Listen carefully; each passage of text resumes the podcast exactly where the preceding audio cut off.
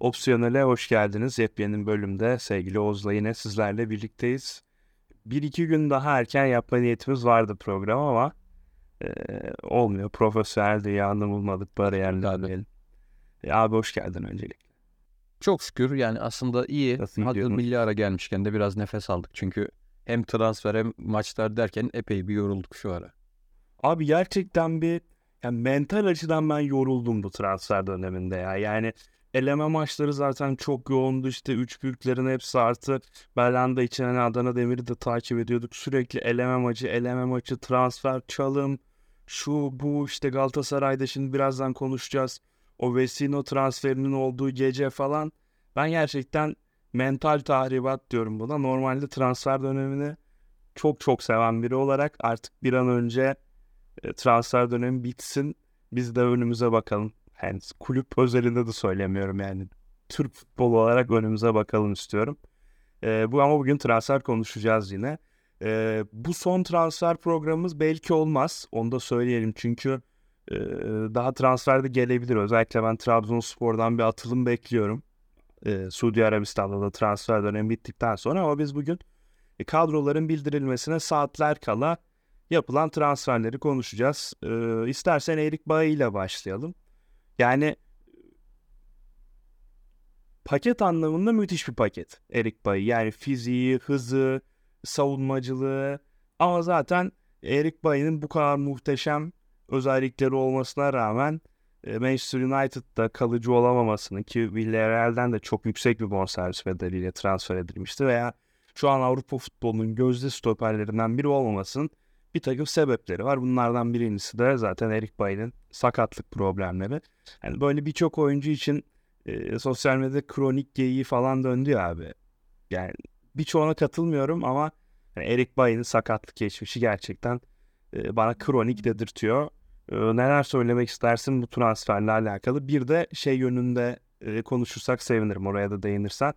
Afrikalı oyuncu istemiyoruz dedi Şenol Güneş'e çıkacağını Yani ama başlamak geldi. Ee, kronik lafına ben de katılıyorum yani. Bailey zaten ilk çıkışını yaptığı dönemde de savunma profiliyle bence gayet ideal bir yıldız, ama, yıldız adayı potansiyeliydi stoperde. Çünkü bu mesela Bailey'den beklediğimiz e, çıkışı Khalidou Koulibaly yaptı sonrasında ve 4-5 sezon üst seviyede çok çok daha iyi bir performans verdi ama ya işte sakatlık dediğimiz durum futbolu bir anda beklemediğimiz bir yana çeviriyor sakatlık durumu geldikten sonra ilk hiç maça çıkmadan sakatlanıp sezonu da kapatabilir. Bu da bir risktir. Böyle bir parayı aldığın adamı böyle bu şekilde kaybetmek de bir risk olabilir veya hiç sakatlanmadan sezonu da bitirebilir. Bunun bir, orta yolu yok maalesef yok. Çünkü futbolun tamamen bir bilinmezlik oyunu zaten belki de bu yüzden güzel. E, ben umuyorum ki aynı Masuaku'da Masuaku'daki gibi olur. Çünkü Masuaku'da hem Olympiakos döneminde hem Aston Villa döneminde e, pardon West Ham döneminde West Ham döneminde e, benzer sıkıntıları yaşayıp e, aynı şekilde sahalardan uzak kaldığı dönemler olmuştu ama Beşiktaş'a geldikten sonra bir anda ilk 11'in değişmezi oldu ve hani o oynamadığında artık Masuaku neden oynamıyor dedik. Ya ben umuyorum ki Bailey'nin transferinde de hani ufak da bir ihtimal de olsa böyle bir durum ortaya çıkar ve hani e, Koley e, Bailey ikilisiyle birlikte Beşiktaş hem ligde hem Avrupa'da iyi bir istikrar yakalar. Çünkü e, buna ihtiyacı var. Geldikten sonra gördük ki Daniel Amartey e, pek bir savunmada ilk adamın olacak gibi durmuyordu zaten. Bu da büyük bir sıkıntı. Çünkü ya şöyle bakarsak Amartey gibi rakipten kaçan bir stoperle oy- oynamaktansa Beşiktaş'ın bence aynı Kole gibi yine rakibe basan, rakibi rahatsız eden ve bu şekilde rakibe karşı üstünlük kurmaya çalışan bir stoper ihtiyacı vardı. Bunu ben aldığını düşünüyorum Beşiktaş'ın. Bunu kaç maçta sahada gösterebilir? Bu bir soru işaretiyken bence e, bu soru işaretinin altında da girilebilirdi. Hani ben e, sosyal medyada okuduğum yorumlar kadar e, olumsuz değilim Bailey transfer hakkında. Çünkü e, Beşiktaş'ın daha ayağı temiz, e, teknik gözüken ama e, toptan kaçan bir stoper, stoper almak yerine rakibi ısıran, e, rakiple sürekli mücadele eden ve rakibi yıldıran bir stoper almasını tercih ederdim. Bu yüzden Bailey transferi beni mutlu etti. E, Diğer konuya gelecek olursak da Lan unuttum diğer konuyu. Abi şey Afrika kupasıyla alakalı.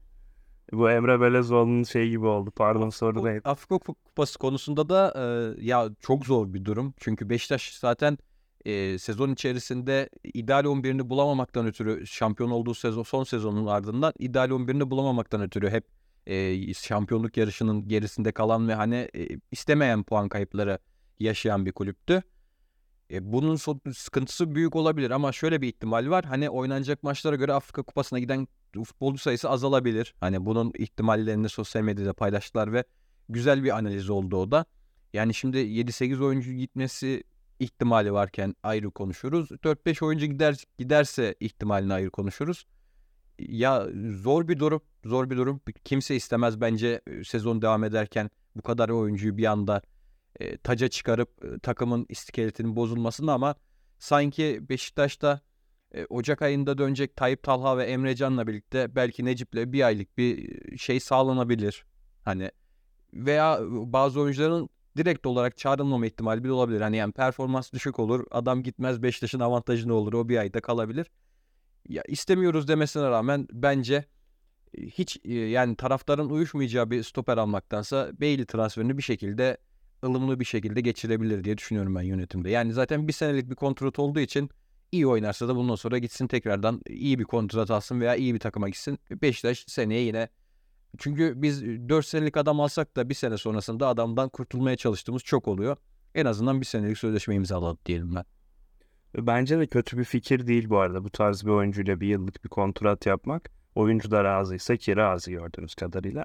Yani şöyle Afrika Uluslar Kupası diyoruz abi. Tabii ki orada e, farklı denklemler var. Yani bunlardan birisi e, zaten takım turnuvaya katılamayabilir ama e, yani zaten Beşiktaş futbolcuların ülkeleri işte fil dişi sahili, demokratik Kongo falan bunlar genelde Afrika Uluslar Kupası'nın gediklileri olduğu için çok o ihtimali ben göz önünde bulundurmuyorum ama tabii ki aday kadrolara çağrılmama durumları e, olabiliyor. Çok da doğal olarak. Yani, tabii ki hani Beşiktaş şunu diyemez. Umarım sezonu bize kötü geçirirler de çağrılmazlar diyemez elbette ama e, çok iyi sezon geçiren onun mevkisinde iki tane başka oyuncu olur. Bütün denklemler değişir. O anlamda haklısın. Peki şunu da sorayım son olarak. Ee, Omar Koli ile Eric Bailey e, ikilisini nasıl değerlendiriyorsun? Mesela bana göre ha bu arada Eric Bailey'nin ayağı hani, amiyane tabirle kalas değil onu kesinlikle söyleyeyim. Ee, böyle bir hani, oyunun tipine falan bakınca bir ön yargı olmasın bu konuda. Ee, Davinson Sanchez için de benzer konuları konuşacağız. Ama mesela Roman Sainz ile Eric Bailly bana mesela daha ideal bir ikili olabilirdi. Bu ikili de biraz bir dağınıklık ihtimali olur mu ee, diye bir tereddütüm var. Artı ben bu takımı biraz şeye benzettim abi. Euro e, 2021 Euro 2020 Türk milli takımına benzettim. Kaleci farkı var Mert Günok'un ayakları Vurcan'a göre daha iyi ama geri hatta kimsenin ayağı çok kötü değil ama oradan topu net çıkaracak bir oyuncu da yok. Bu anlamda Amir Hacı Ahmetoviç'e çok iş düşecek. Yani hem Omar Koli başta olmak üzere çevresiyle uyumunu biraz değerlendirebilirsin bence Erik Bailey. E, topla çıkma konusunda kesinlikle haklısın. Zaten e, Coley Bailey ikilisini beraber oynatırsa stoper her maç Amir veya hani e, Kartal Kayran'ın oynaması gerekir bence. Yani ön libero'da gidip e, geride hem Coley hem Bailey oynattıktan sonra üstüne bir de Onana orta sahasını hani Onana'yı merkezdeki ilk ön libero olarak koyarsa Beşiktaş'a geçmiş olsun. Tamam fizik anlamında çok e, diri bir takım olur ama e, o bağlantıları kurma konusunda çok büyük sıkıntılar yaşarlar ve hani e, rakip açısından da bu bir avantaj olur. Çünkü yapacağınız her baskı size aslında e, iyi bir kontra atak fırsatı sunabilir. Bu yüzden hani Coley Bailey'nin oynadığı her maçta ben kesin olarak Amir Aziz Ahmetoviç'i orada e, ilk seçenek olarak görüyorum ve biraz da emniyetsiz baba olarak görüyorum. Çünkü ikisinin de ufak defolarını kapatabilecek bir durumda. E, uyum konusunda şöyle bir sıkıntı var bence çünkü yani ya e, hem Coley'den hem e, Bale'den maçta 85 dakika çok iyi performans verdikten sonra bir dakika bir anda bir hatayla beraber takımda gol, gol yedirecek hata yapabilecek potansiyeli var stoperde Beşiktaş'ın. Ya bu kötü bir şey çünkü Beşiktaş kadar düzenli oynayan bir takımda yani düzenli oynamaya çalışan ama bence oynayamayan bir takımda bu illaki bir e, sıkıntı yaratacaktır. Ya, o yüzden riskli, kesinlikle riskli ama bence bu riske değer bir transfer oldu. Ya umarım geçen seneki Delali fa- faciası gibi bir şey yaşanmaz. Çünkü Delali gerçekten de fiyasko bir sezonun ardından hani Premier Lig'den neden geldi dedi sorularına maruz bırakılan bir transferde. Belki bu transferde yaşanılan soru işaretlerinin bazıları da sırf Delali transferinden ötürü olacak. Yani son olarak iki şey söyleyeyim. Oradan da Galatasaray'a geçelim. Abi bence kesin olan iki şey var bu sene. Bir Beşiktaş savunmayı bayağı önde kuracak. Çünkü bu takım geri koşabilir ve kurmalı da bu arada. E, ikincisi de bu takımın e, en büyük antisi önde iyi basan takımlar olacak. Bence bu ikisinin Beşiktaş adına 23-24 sezon Beşiktaş adına kesin olduğunu söyleyebiliriz diyeyim. Galatasaray'da da istersen biraz sen bana sor. O şekilde gidelim. Tamam. Ya Galatasaray güzel bir atılım yaptı. Hani oyuncu gönderme konusunda sıkıntılar yaşasa da bence hani hem Emin Bayram hem Berkan'ın ayrılışı bana göre e, sancılı bir süreç olsa da yaşanmaması gereken bir süreç olsa da hem Endombele'yi aldı Galatasaray hem de Davinson Sanchez'i aldı. İkisi beraber geldi Tottenham'dan. Ya Şampiyonlar Ligi oynamak için böyle oyunculara ihtiyacı vardır takımların. Sonuçta bu iki isim de bence yıldız isimler. Sen ne düşünüyorsun bu konuda? Hani e, takıma uyumları nasıl olur? Hem de e, Davinson Sanchez geldikten sonra sence Nelson Abdülkerim ikilisi bozulabilir mi? Veya orta sahada Torreira'nın yanına aranan isim Endombele miydi? E, orta saha işiyle başlayalım istiyorsan. Oradan savunmayı konuşuruz. E, birlikte gelen çok ayrı iki transfer bence. E, Endombele ve Davinson Sanchez. Ama işin en başında şunu söyleyebilirim abi. Galatasaray'ın bence bir atletizm sorunu vardı geçen yıl. E, Sasha Boy bu konuda biraz yalnız kalıyordu. E, hatta ve hatta Galatasaray'ın bu yaz yaptığı diğer transferler de Galatasaray'ın bu sorununa çözüm olacak transferler değildi. Evet hepsinin çok iyi tarafları var, zayıf tarafları var ama Galatasaray hala çok atlet bir takım değildi ve Şampiyonlar Ligi'nde bu size Süper Lig'e göre daha fazla problem yaratır. Burası kesin. E, hatta Molde maçlarında da Galatasaray yine geri koşarken işte arkaya atılan toplarda biraz daha öne çıktığında savunma attı. Sorunlar yaşadığını gördük. Bu oyuncular doğrudan atletizm sorununu çözerler mi? Bunu biraz fiziksel durumları gösterecek ama çözmeye aday iki oyuncu olduğunu söyleyebiliriz. Yani Endombele'nin prime dönemleri acayip bir fiziksel güç zaten. Şu an biraz ondan uzak olsa da. Davison Sanchez bence hala oraya uzak değil. Ee, ve gelelim e, bir de işin şu tarafına. Şimdi transferi değerlendirirken ne diyoruz abi? Bir takım transferde neyi hedefledi? Bu takım, bu transferler bu takıma ne katar? Bir de maliyet konuşuyoruz. Şimdi neyi hedefledi noktasında bence çok fazla konuşulacak bir şey yok abi. Çünkü transferin kadro listesi bildiriminin dolayısıyla da Galatasaray için aslında ciddi transfer döneminin diyeyim. Son saatlerinde indirilen iki oyuncu. Burada abi bir noktadan sonra işte kulüp neye hedefliyor falan buna çok bakılamıyor. Ee, yani en fazla şu söylenebilir. Hani takımın 8 numarada eksiği vardı. Stoper'de kısmen eksiği vardı giderildi.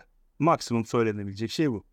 Ne Katar noktasında e, Endombele ile başlayayım. Birincisi Vesino rezaletinden farklı olarak e, Endombele en azından bir şeyler hayal ettiriyor. Yani Vesino transferi ismi çıktı. Vesino bu arada kesinlikle kötü bir oyuncu değil bak. Ben bunu e, Twitter'da da anlatmaya çalıştım. Sadece iyi dönemlerinden çok uzak bir oyuncu. Endombele de böyle bu arada ama hani Vesino'da biraz yaş faktörü de var ekstradan. Yani e, Endombele ne olursa olsun abi e, 96 doğumlu olması lazım. Aynen 96 doğumlu Endombele. Ee, ve yani daha önünde uzun yıllar var aslında sağlıklı geçirirse. Ama Vesino'nun öyle bir durumu yok. Artı sen Endombele'ye bir yıllık kiralık alıyorsun. Opsiyonu da var. E, maaşı da çok çok yüksek. Bir kısmını Tottenham ödüyor. Ona rağmen senin dengelerin için yüksek ama işte kiralama bedeli ödemediğin için biraz son dakika işi olduğu için falan en azından bence kabul edilebilir seviyelerin dışında değil. E, ve yani 3 yıllık kontrat bağlamamış oldum Vesino gibi. Vesino 32 yaşındaydı. 3 yıl, yıllık 2,5 milyon euro. Bence rezalet bir kontrattı. Bütün dengeleri bozabilirdi takımda. Üstüne üstlük 3,5 milyon euro da bonservis veriyorsun. Lazio'nun e, bana göre bu sezon pek de süre vermeyeceği ve e, onu iyi yapan özelliklerini biraz tempo kaybetmesiyle birlikte yaşında etkisiyle büyük oranda kaybetmiş bir oyuncu için. Vesino kısmını çok uzatmayacağım. Bu kadar da toplanın. Endombele'ye gelecek olursak. Endombele dediğim gibi Vesino'dan fa- farklı olarak bir şeyler hayal ettirir abi. Yani ben 8 numara konusunda Galatasaray taraftarı olarak ama Galatasaray taraftarlarından da farklı olarak o kadar da yangın durumunda değildim. Yani ben Galatasaray'ın mevcut 8 numara rotasyonuyla bile işte örnek veriyorum Endombele gelmedi, Mitsio de gitmedi. Veya Allah korusun Endombele ilk idmanda yani inşallah böyle bir şey olmaz. Ciddi bir sakatlık yaşadı gitti sezon. Abi Galatasaray için bence sezon bitmiş olmuyor. Yani evet belki takımın tavanı biraz aşağı düşmüş olabiliyor. Ee, takımın özellikle Şampiyonlar Ligi'nde daha az planı olmuş oluyor ama mesela bence lig için Oliveira, Torreira, Kerem Demirbay, Mitchell rotasyonu bana göre ideal değil ama yetersiz de değil onu söyleyeyim. Ama e, tabii ki oraya bir oyuncunun alınması gerekiyordu. Bence ideal oyuncu Genduzi'ydi. Ben bunu başından beri söylüyorum. Hem profil olarak hem yaş olarak hem maliyet olarak Galatasaray'ın alabileceği oyuncuydu ama Endombele de farklı şeyler hayal ettirebilir. Ben Endombele'nin Galatasaray'da geriden top çıkarma konusunda e, ciddi bir rol üstleneceğini düşünüyorum.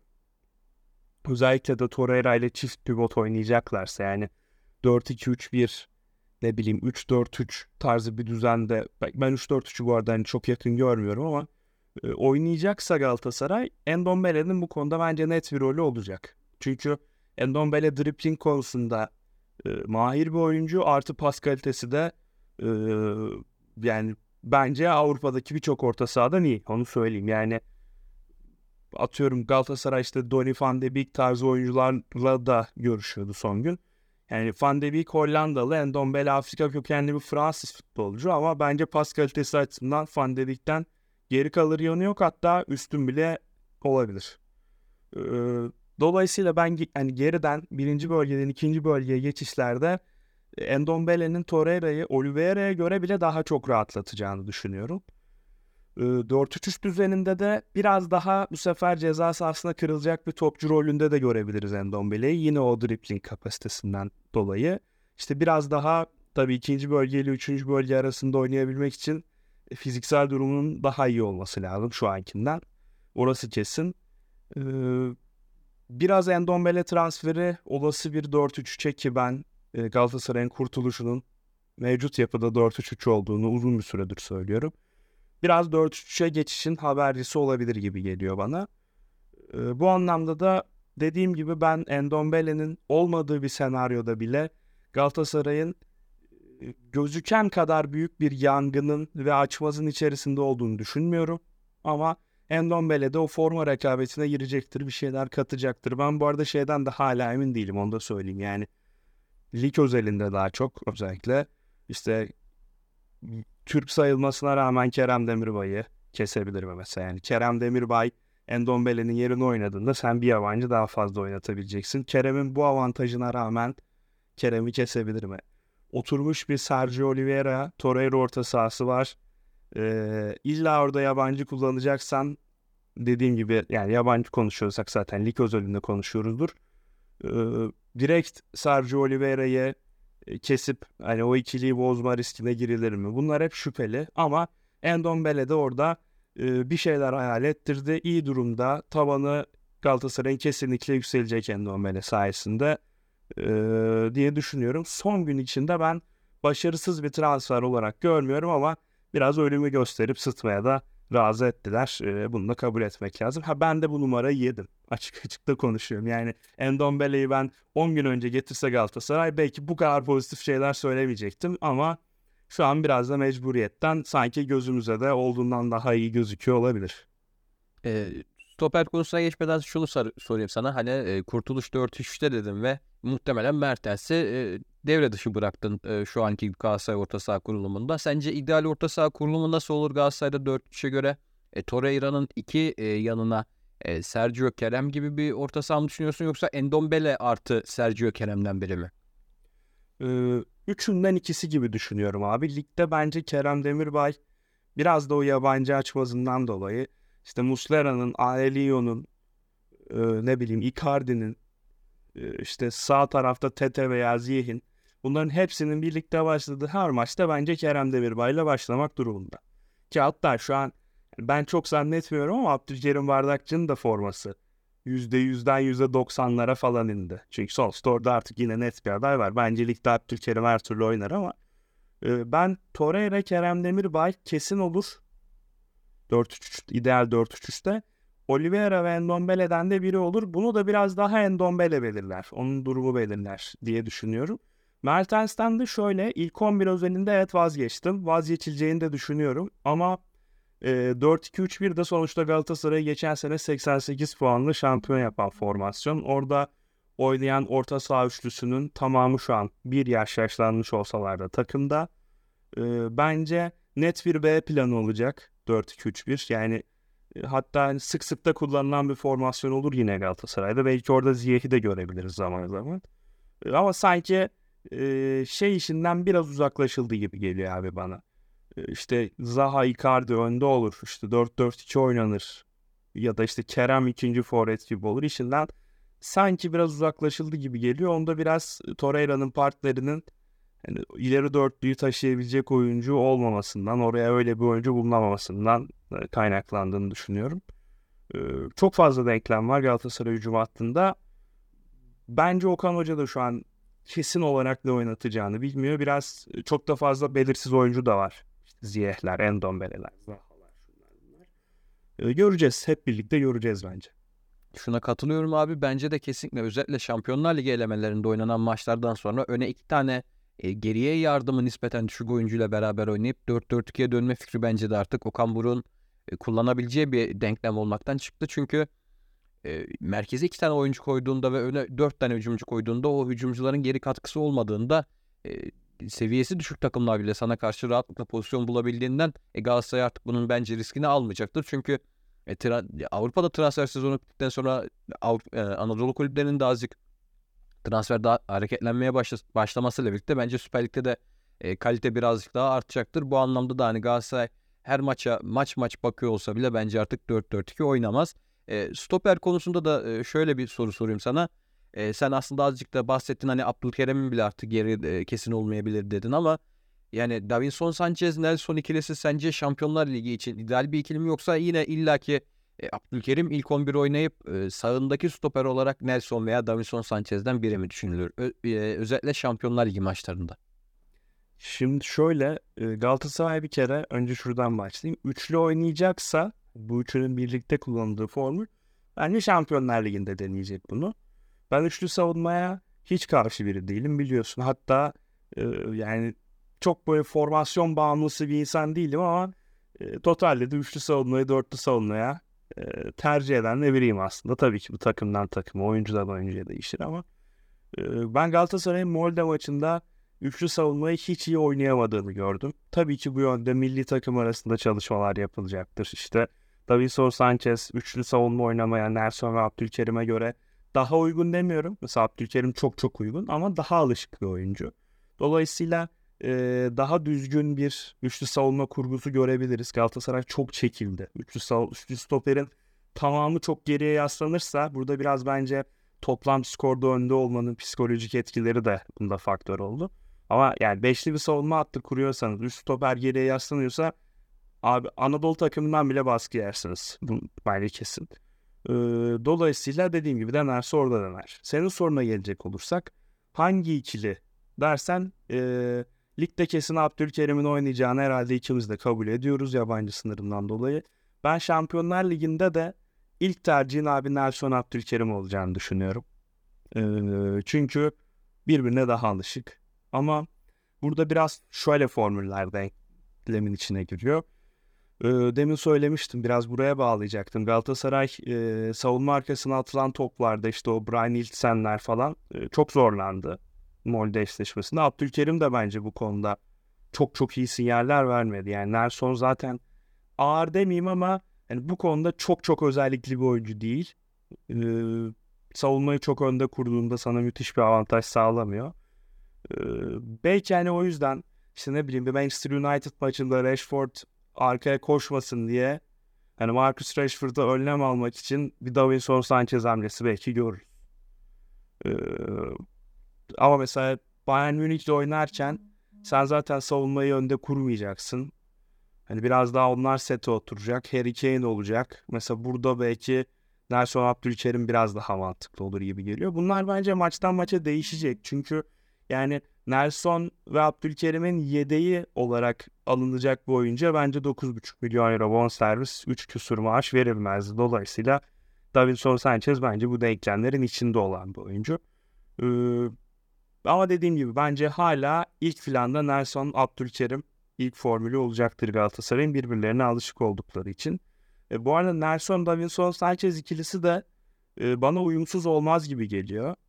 Hatta e, bilmiyorum genel kanı bu konuda ne yönde ama Davinson'un yeri garanti olacağı bir senaryoda yanına Abdülkerim'e mi Nelson'u mu koyarsın yabancı sınırından bağımsız desen abi ben galiba Nelson'u tercih edebilirim. Çünkü e, Abdülkerim Bardakçı'nın mesela Kaan Ayhan'la çok dağınık bir görüntü çizdiğini gördük. Tabii ki Davinson Kaan'a göre daha iyi savunmacı ama ya biraz Nelson gibi bir oyuncunun toparlayıcılığına hala ihtiyaç duyuyor bence.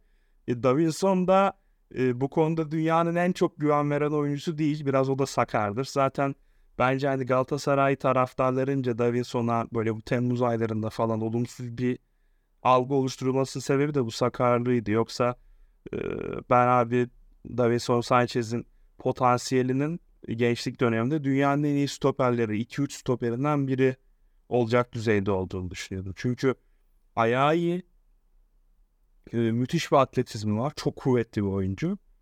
E, savunmacılığı da dediğim gibi sakarlığı dışında kötü değil.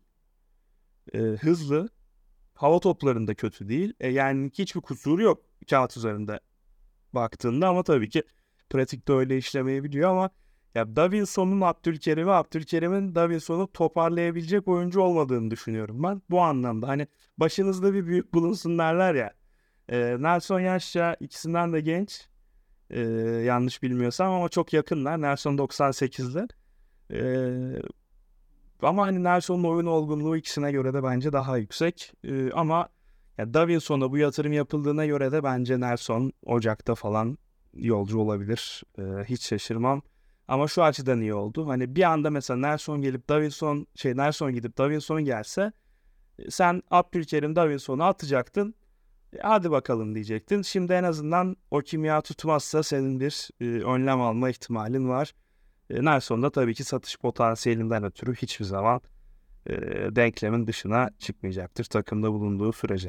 Biraz çok mu uzun oldu ya da karışık oldu bilmiyorum. Yok yok abi bence hiç öyle olmadı. E, hatta iyi toparladın çünkü bence de e, Galatasaray'ın Şampiyonlar Ligi'ndeki e, alacağı neticeye göre aslında Ocak ayında Nelson ayrılığı gelebilir diye düşünüyordum. Sen de benzer paralel bir şekilde düşüncede olduğun için ben mutlu oldum çünkü şu arayı hani hem Davinson'u takıma monte etme konusunda bir uyum süreci olarak görüp hem de Nelson'dan çıkılmayı yine aynı şekilde bir uyuma göre yapabilmek Galatasaray'ın yapabileceği iyi hamlelerden biriydi ve hani Nelson sonrası tekrardan Davinson da aslında hala satış potansiyeli olan bir oyuncu olmaz sebebiyle de bu değişiklik olursa Ocak ayında ve Ocak ayına kadar Davinson iyi gözükürse bence Galatasaray taraftarı artık bundan hani tırnak içerisinde şikayet etmekten bırakacaktır. Çünkü bu sefer de Davinson Abdülkerim ikilisiyle birlikte yine iyi bir e, hava yakalayabilir diye düşünüyorum ben Galatasaray ama işte şu Eylül-Ocak ayındaki e, nasıl bir e, beraberlik olacak hani savunma tandeminde onu görmemiz gerekiyor. E, istersen buradan ikimizin de aslında merak ettiği bir konuya geçelim. E, Kayseri Spor çünkü geçen seneden beri transfer tahtası kapalı halde olan ve birçok oyuncusunu elinden kaybetmiş olan Kayseri Spor'un yani Çağdaş Hoca'nın muhteşem bence emeğiyle birlikte sezona namalip girerken bir anda dün Çağdaş Hoca'nın takımından ayrılıp Başakşehir'e imza atacağı haberleri çıktı ve açıkçası ben şaşkınlıkla karşıladım. Hem Kayseri Spor'da Çağdaş Hoca sonrasında gelecek yeni teknik direktör kim olur hem de Kayseri Spor e, transfer tahtasını açamaması halinde e, nasıl bir yol e, çizer ve hani Süper Lig'de kalabilmek için bu kadro yeterli mi? İstersen oradan. Ee, şöyle e, sen de görüşlerini bayağı merak ediyorum bu arada bu konuda ama ben başlamış olayım. E, şimdi birincisi abi Çağdaş Hoca'ya tepki gösterilmesine ben çok bozuldum. Yani Çağdaş Atan'la bir bağım yok. Akrabası değilim. Bir şey değilim. Sadece Çağdaş Atan'ın teknik direktörlüğünü beğenen bir Türk futbol severim. Ve bana bile dokundu abi. Yani hem yönetim kanadından tepki geldi. Hem işte taraftar tayfaları, sayfalarından tepki geldi. Yani hiç anlam veremedim. dediğim gibi gerçekten alındım, bozuldum ve kızdım buna. Çünkü abi Çağdaş Atan birincisi bu takım transfer tahtası kapanmış ve elinden önemli birçok oyuncusu gitmiş bir Süper Lig Anadolu takımının kümede kalması zaten başlı başına bir başarıdır. Bunu cebe koyduk mu? Tamam. Kesinlikle. Abi bu takım bence gayet yarışmacı bir takımdı. Sezon içinde. Yani işte Lung gitti. Bilal Bayezid. Bilal Bayezid tamam hani çok derinlerden suyun dibinden çıkarılmış bir adam değil. Yetenekli bir kaleci ama işte e, stoper gitti. Ne o soyadı kocaman olan bir futbolcu vardı. Ha, Hı hı, Genç ha. Arif Koca. Arif Kocaman. İşte ne bileyim Gavranovic gitti. Gökhan Sazdağ yeri geldi Santrafor oynadı. Yeri geldi Tiam oynadı. Bernard Mensah gitti başkası konuldu. Yani abi oyuncular değişiyor. Kalite sürekli düşüyor. Ama e, oyun gücüyle birlikte Kayseri Spor hala atıyorum ilk hafta Kayseri deplasmanına gidiyoruz diye bende bir korku vardı. Niye? Çağdaş Atan. Ve puan da kaybetti yani Galatasaray. E, bunu yani Kayseri Spor bir teknik direktör takımına dönüşmek üzereydi. Sen abi iki sene boyunca bu transfer tahtasını açamıyorsan hoca da Ağustos'a kadar beklerim deyip Ağustos bitmesine Eylül gelmesine rağmen hani bir noktaya kadar sesini çıkarmadıysa hocaya da tahmin ediyorum ki hani Başakşehir'in de bir talebi üstüne olmuş bir şey. Ee, daha bütçeli, daha potansiyelli bir takımdan iyi bir teklif geldiyse hocanın gitmesi kadar doğal bir şey yok. Tabii ki hani üzülünür, hayaller yarıda kaldı denilebilir ama tepki gösterilmesini ben e, kabul etmiyorum. Çağdaş Atan e, Başakşehir'e giderse e, ben başarılı olabileceğini düşünüyorum. Bu arada bence Başakşehir'de de şu an kötü bir kadro yok ama kadro mühendisliğinde de bir takım sıkıntılar var. E, enkaz denemez ama iyi durumda da değiller. Emre Belezoğlu benim beklentimin altında bir Başakşehir kariyeri geçirdi açık konuşmak gerekirse. Benim beklentim daha yüksekti. E, Çağdaş Hoca'nın özellikle üçlü orta saha kullanırken e, tüm orta sahaları adam adama eşleştirme stratejisi Süper Lig'de hala çözülemedi. Yani bu kadar da taktiksel açıdan bence düşük seviye bir ligiz maalesef. Seyir zevki benim açımdan çok yüksek olsa da benzer bir sistem kullanacağını orta sahaya oturtup e, Piatek'i de biraz daha etkin kullanacağını düşünüyorum. Eğer Başakşehir'e giderse resmileşirse başka adaylar da varmış herhalde ama bence Kayseri ayrılığı geldiğine göre Çağdaş Atan işi kesin gibi belki podcast yayınlandığında imza bile atılmış olur bilmiyorum. Recep Uçar konusunda da pozitifim.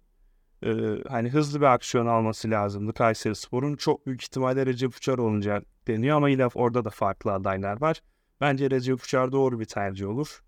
Gemiyi ya, limana yanaştırma konusunda bence fena bir isim değil. Ümraniye Spor geçen sezon küme düştü ama bence fena iş çıkarmadı Recep Uçar. Ee, iki taraf adına da hayırlı olmasını dilerim ben ama dediğim gibi Çağdaş Atan'a e, bence hani güllerle çiçeklerle teşekkür edilerek gönderilmesi gerekiyordu ayrılık kararından sonra pek de öyle olacak gibi değil. E, senin de dediğim gibi görüşlerini oldukça merak ediyorum. Abi Kayseri Spor'un kadrosunu konuşmaya bence gerek bile yok. Çünkü e, Kayseri Spor'un e, normalde kiraladığı, e, Keçiören'e kiraladığı ve Keçiören'de yedek oturan Akah ve Uzodinma şu anda takımın az iki parçası ve Uzodinma'dan da ekstra iyi bir katkı aldılar. Stoper'de üçüncü tercih hatta dördüncü tercih olan geçen sene lisansı çıkartılmayan Atama artık as oynuyor. Yanında dediğin gibi altyapıdan gelen Arif var. Orta sahada 6 ay 7 ay sakatlık yaşayıp e, geri dönen Ali Karimi oynuyor. Akah'la birlikte bu da çok önemli bir olay ve Ali Karimi'nin göstermiş olduğu performansı Süper Lig'de hani benzer niteliklerde yapabilecek bir oyuncu. Çünkü gerçekten de oyunu sadece oyun kurma anlamında değil rakibe baskı anlamında şu anda bence e, ligin lideri olabilecek kadar özel bir oyuncu. Sadece rakibe yaptığı baskıyla. E, ön tarafta da hem sağ bek kullandın hem sol bek kullandın hem iki kanat kullandın. Gökhan Sazdağ ile santrafor oynuyorsun ve sezona e, namalip girmişken hala Çağdaş Atan'a tepki göstermek bu konuda bence kesinlikle e, gereksiz bir konu. Tamam anlıyorum Kayseri'nin de e, iyi bir taraftar kitlesi var. E, Kayseri tarafında da hocaya karşı da iyi bir e, sevgi oluşmuş durumdaydı ve hoca ayrılınca bir e, moral bozukluğu olabilir ama bence gerçekten de Çağdaş Atan'ın göklere çıkartılıp aslında uğurlanması gerekirdi. Ben Çağdaş Atan'a şu konuda tepki gösteririm. Bence Başakşehir'e gitmemeliydi. Çünkü e, Başakşehir'in mevcut kadrosu bana göre e, toparlanamayacak kadar hani sen biraz daha olumlu konuştun ama bence toparlanamayacak seviyede karışık durumda ve e, oyuncularla alakalı da birçok e, sıkıntı yaşandı. Muhtemelen ki hani artık en sonunda Emre Belözoğlu da bıraktı. Ben Başakşehir'de sezonu bitirebileceğini düşünmüyorum açıkçası Çağdaş Atan'ın. Hani bu kadar iyi bir Kayseri Spor döneminden sonra Başakşehir'e gidip kariyerini riske atmak hoca açısından belki de doğru bir karar olmadı. Bu yüzden üzüntülüyüm Çağdaş Atan konusunda. Kayseri Spor'un yeni muhtemel hocası konusunda da bence iki iyi seçenek var da çok e, diğer yaşlı hocalara gitmektense bir Recep Uçar bir Hakan Keleş. Çünkü Hakan Keleş'in de Giresunspor kadrosuyla yaptığı e, direnmeye çalıştığı ama direnemediği Giresunspor e, küme düşmesiyle aynı şekilde Recep Uçar'ın da e, çok fazla transfer yapılmasına rağmen iyi transfer yapılamamasından ötürü sürekli olarak ilk 11'de arayışlar içerisinde olan Recep Uçar'ın ikisinden birinin Kayserispor'un doğru hocası olacağını düşünüyordum. Recep Uçar'la görüşmeler ilerlediyse gayet mutlu durumdayım. Ve hani o hoca olursa yine bir şekilde Kayserispor'un küme düşmeden sezonu tamamlayabileceğini de düşünüyorum. E, son bir ek olarak şunu söyleyeyim. Gece Ertan Süzgün'ün haberiydi. Kayserispor'un e, bu hafta sonu e, e, transfer tahtasını açma ihtimali de varmış. Yüksekmiş ve zaten hem kaleci Onurcan olsun, e, yabancı stoper Yanviye ve Yiğit Emre Çeltik'in 3 tane transferin bekletildiğini söyledi. Hani bunlarla direkt olarak imzalanacak dendi. Eğer ki transfer tahtası açılacaksa ve e, yeni hoca geldikten sonra hocanın beklentisine göre transfer yapılacaksa şu ana konuştuğumuzdan bambaşka bir şekilde bir Kayseri Spor aslında konuşabiliriz ve hani transfer tahtası açılacaksa neden Çağdaş Atalın'la yollar ayrıldı? Bu da aslında başka bir soru olarak karşımıza çıkıyor. Hakan Keleş çok iyi öneriymiş bu arada. Onu çok beğendim. Bir noktada abi net bir şekilde katılmıyorum. Şu noktada. Bence Çağdaş Atan çok iyi bir sezon geçirmese dahi sezon tamamlar Başakşehir'de. Argümanım da şu. Şimdi gelecek sezon yaz transfer döneminde Başakşehir'le geçirdikten sonra her şey sıfırdan başladığında ki şu anda da yani ligde dördüncü haftayı bitirdik öyle hiçbir şey bitmiş değil ama e, bu transfer yani Haziran'da işte muhtemelen hoca başlar Mart Nisan gibi en geç transfer çalışmalarına. Haziran Ağustos arasında Başakşehir'de güzel bir şekilde geçirdikten sonra yapabilecekleri beni heyecanlandırıyor. Bence Başakşehir yönetimini de heyecanlandırıyor ki işte boşta bir Abdullah Avcı seçeneği varken en basitinden. Ee, ne bileyim Sergen Yalçın'ın da adı geçiyormuş. Ben bilmiyorum zor görüyorum biraz ama sonuç olarak varken başka tercihler varken Kayseri Spor'un başındaki Çağdaş Atan ismi akla geldiğine göre ki gelmesi çok doğal. Bence hocaya sabredilecek. Yani bu sezon çok çok iyi geçmese bile sabredilecek ki ben hani toplayıp en azından şöyle bir orta sıralarda tutacağını düşünüyorum Başakşehir en kötü ihtimalle. Ee, bence Başakşehir yönetimi de işte Göksel Gümüşdağlar şunlar bunlar. Ee, hani Çağdaş Hoca'ya dördüncü hafta takım teslim edip sezon bitmeden hani sabredemeyip yollayacak bir yönetim anlayışına da sahip değil.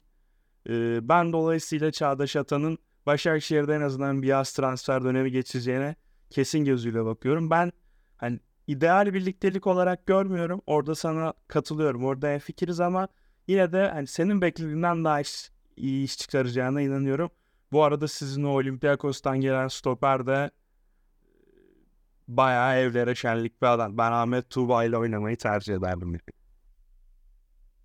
E, yapacak bir şey yok abi. Sonuçta Ahmet Tuba da aslında kariyerini ilerletmek açısından hani Serie gitti. İyi bir tercihti. Yani Bayi alacağım ama ben de Papessi'yi alırdım kesinlikle ama yapacak bir şey yok. Hem Sisi'de hem Bağda'da aynı dengesizlikler, aynı e, maçtan kopuşlar ve e, anlık yanlışlar çok oluyor. Yani o yüzden de belki de Edgar Ye sakatlıktan döndükten sonra Çağdaş Hoca stoper ikilisini Leo Duarte Edgar Ye'den kuracak. Bence gayet Güzel, ideal. Yani, muhtemelen de böyle olur. Peki bugün sana biraz moderatörlük görevini yüklemiş oldum. Evet. Hiç sıkıntı yok abi. Yani ağzına sağlık. Öyle öyle sen bana ver. Aynen öyle. Bence de güzel oldu.